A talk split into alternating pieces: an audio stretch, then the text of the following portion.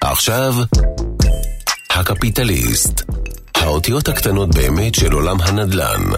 בהגשת יאיר לוי. שלום לכולם, שמי יאיר לוי, ואני עוסק בתחום הנדל"ן העסקי מזה כ-40 שנה. אז עכשיו אנחנו נמצאים, מה שנקרא, במשבר נדל"ן, נכון? אז בואו נחשוב, האם עכשיו אנחנו רוצים למכור, אם אנחנו צריכים למכור, או האם עכשיו כדאי לנו לרוץ לקנות, מהר מהר, לפני שהמשבר ייגמר. בואו נבין מה עומד מאחורי זה, יישארו איתי. אז uh, תראו, בואו אני אסביר לכם בכמה מילים את נקודת המבט שלי של עולם הנדל"ן, בתקווה שזה יהיה לכם לעזר. Uh, הכל, המשבר שאנחנו חווים כרגע הוא משבר שלמעשה, להערכתי, החל עוד בתקופה של הקורונה. עכשיו, קורונה זה לא משבר כמו שמדינת ישראל ידעה ברבות שנותיה, משבר של מלחמה. יש מלחמת יום כיפור, זה נמשך חודש וחצי, זה מתמשך לשנה, שנה ומשהו, נגמר, ממשיכים הלאה. יש מבצע כזה או אחר בעזה, השוק עומד, נגמר הכל, חוזרים עוד פעם למה שהיה מההתחלה. הקורונה לקחה אותנו למקומות אחרים. הקורונה, בנדל"ן אני מדבר מהנקודת מבט שלי, לימדה אותנו שדברים מתמשכים, החוסר ודאות, המצב שבו אנשים לא יוצאים לרחובות ולא נמצאים במשרדים ולא קונים במסחר ולא יכולים לנוע, הוא מצב מאוד מאוד מיוחד שמשפיע על כל החיים שלנו, ואני באתי לדבר כרגע רק על הנושא של הנדל"ן. בקורונה עצמה, בקורונה עצמה, שאנחנו היינו בתוך המשבר עצמו, כל השוק היה עם הערכה אחת, שברגע שהמשבר הזה יסתיים, כל השוק יתרסק, ומה שנקרא בשפתנו, ייפול על הפנים. זו הייתה הערכה כמעט מקיפה של כולם. כי הם אמרו, תשמע, אין ספק, שוק שעומד, שוק שיש בו חוסר ודאות, אין ספק שהמחירים יתרסקו, והחבר'ה שהיו יושבים, מה שנקרא, עם המזומן, כבר צחצחו את המצ'טות כדי לבוא ולחתוך בשוק ולקנות עסקאות טובות. אבל זה הציפיות. ואז קרה דבר שאף אחד לא תכנן, והייתה הפתעה גמורה. לא רק שהשוק לא ירד, אלא שהשוק טס כלפי מעלה. לא עלה בצורה מינורית, לא שיפר עמדות, אלא פשוט טס. השוק טס, וזה היה בניגוד לכל הציפיות, לכל ההערכות הקודמות של כל המומחים הגדולים. ואני אתן לכם דוגמה. אתן לכם דוגמה כדי שתבינו את הנקודה, מה, מה זה למעשה שוק שטס כלפי מעלה. תראו, היה מגרש באזור התעשייה בקריית גת, מגרש גדול, מגרש של מעל 80 דונם.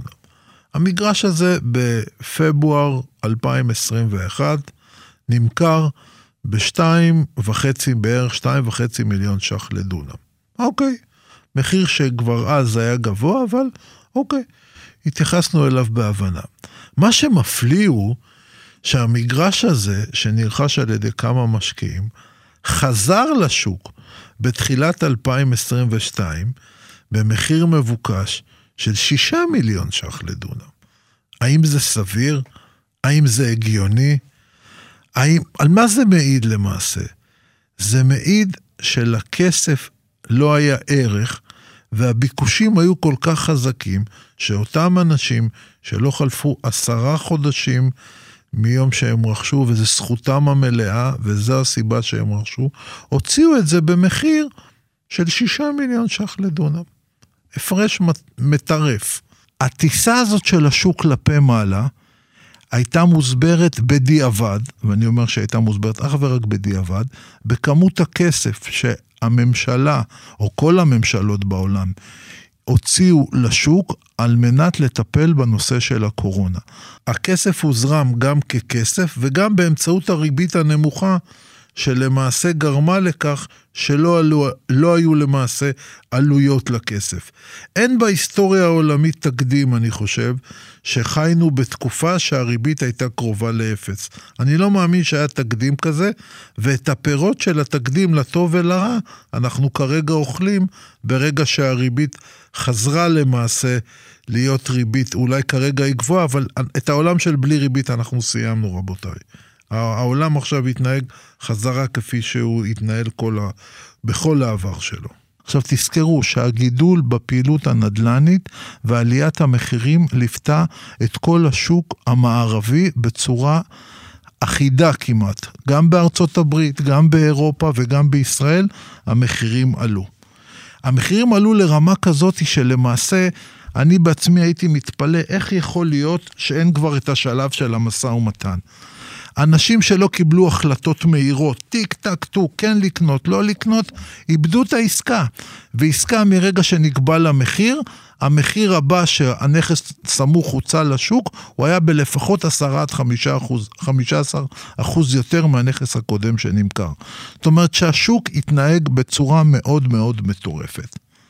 ואז לפתע, במהלך של, בוא נאמר, אני רואה את המהלך הזה מתחיל בערך מאזור מאי-יוני 2022, ראינו פתאום שינוי. כאשר השינוי הזה הוא שינוי שהיה מהיר מאוד. ההעלאה של הריבית גרמה הפעם למשבר נדל"ני, לעצירת השוק, אני עוד לא יודע לציין אם זה היה משבר כן או לא, כי אנחנו מקליטים את הפודקאסט, את הפודקאסט הזה בפברואר 23. השוק נעצר, הוא נעצר בחריקת בלמים. הוא נעצר באופן כזה שאנשים החליטו לא לקבל החלטות. ככה הם החליטו. הם החליטו לשבת ולא לקבל שום החלטה בשום נושא. שקשור לנדל"ן כמובן. זה, זוהי תופעה שמאפיינת משברי נדל"ן. אז בואו נדבר על סמך הניסיון, מה זה משבר נדל"ן ואיך הוא מתאפיין. אז תראו, משבר נדל"ן בדרך כלל מתאפיין בכך שבתחילה השוק עוצר. אף אחד לא מקבל החלטות על כלום, וכולם ממתינים לראות מה השני יעשה.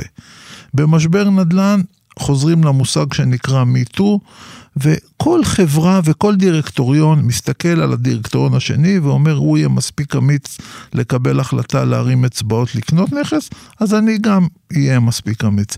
אם הם לא מספיקים אמיצ... מספיק אמיצים, אז גם אני לא אהיה מספיק אמיץ. אף אחד לא יודע מה, מה, מה ילד יום, אף אחד לא יודע מה יקרה עם עלויות המימון, ולכן כולם עוצרים את ההחלטות. עכשיו, מה קורה בתהליך הזה? ישנם גופים שחייבים למכור. ישנם גופים שנאלצים למכור כדי להחזיר את המימון לבנקים, או כדי להקטין את עלויות המימון שלהם. ואז מה שהם בדרך כלל עושים, החבר'ה האלה שחייבים למכור, הם אומרים, תשמע, א', אני לא בא ואני אומר שאני מוכר. אני קודם כל מציג כלפי כל העולם שקיבלתי הצעה למכור נכס כזה וכזה. כמובן שזו מכבסת מילים ל... אני מת למכור את הנכס שלי, אבל אז, כשהם הולכים למכור, הם מוציאים את הנכסים שהם הכי פחות טובים.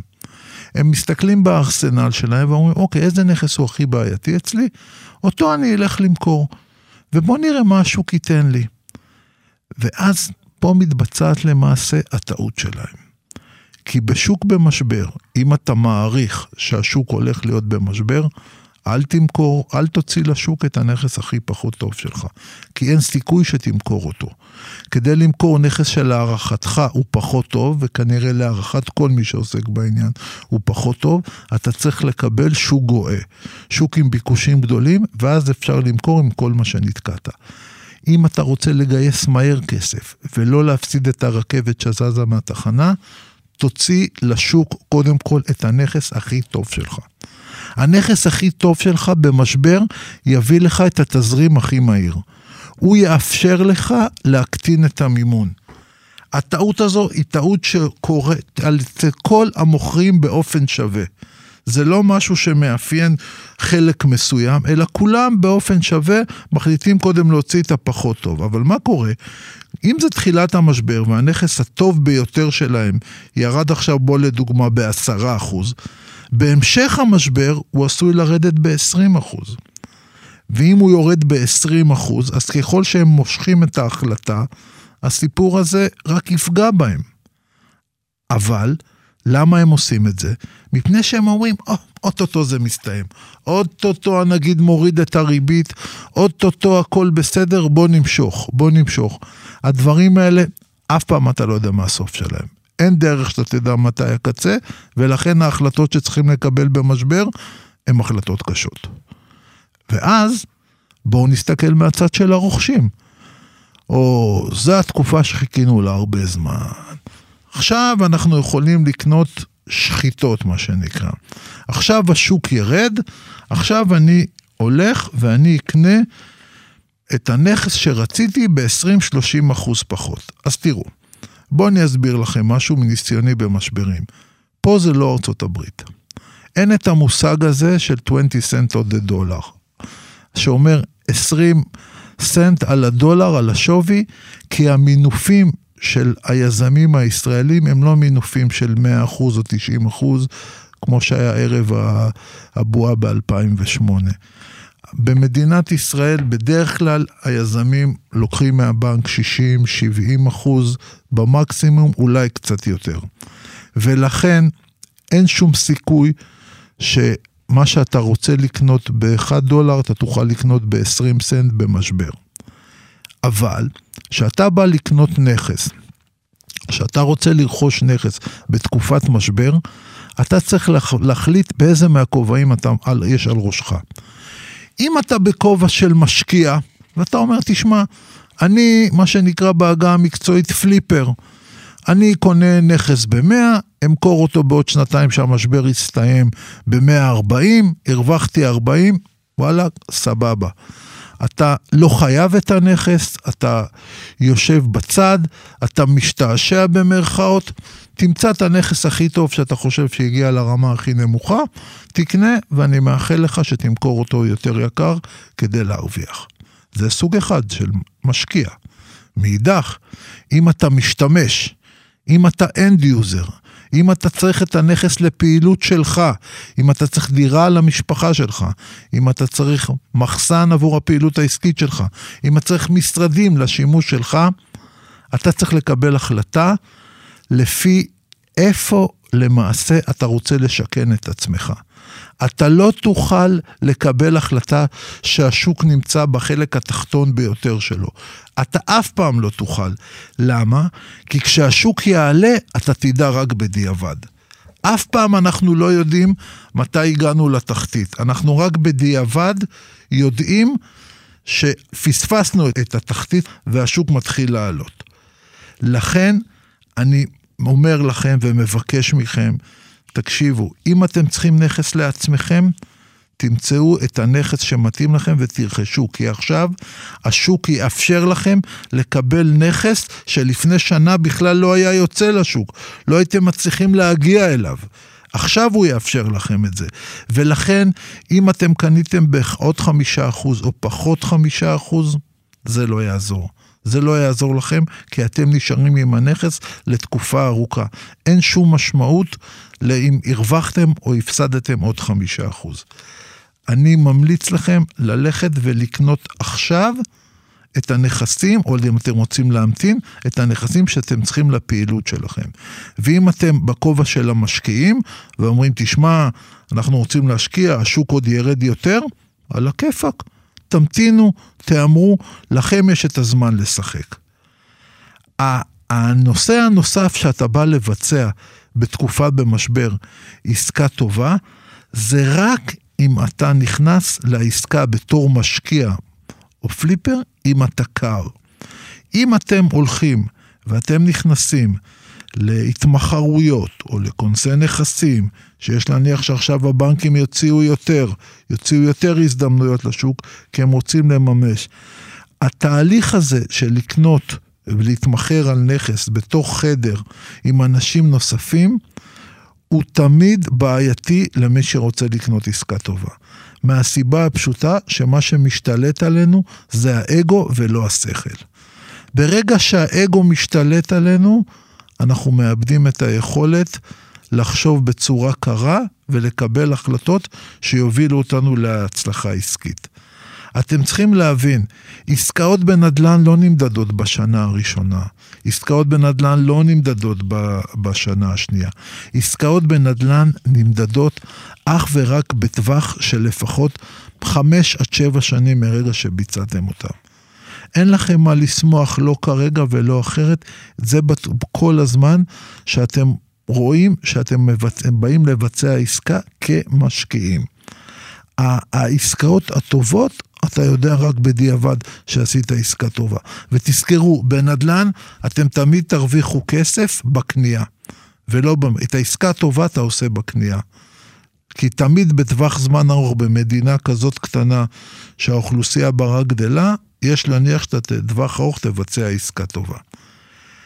אני ממליץ למי שיש כסף בכיסו ולא מחויב לקחת משכנתאות או לא לקחת הלוואות בריביות עולות, כן לנסות לתפוס את ההזדמנויות שעכשיו ייכנסו לשוק ולבצע בהם עסקה. עכשיו, אתם צריכים לזכור דבר אחד שהוא מאוד מהותי ב... ב... בהחלטה שלכם. תמיד מי שקונה אומר, תשמע, אני לא רוצה לתפוס את הסכין שהיא כלפי מטה, כי אז אני אחתך ויפול ממני דם.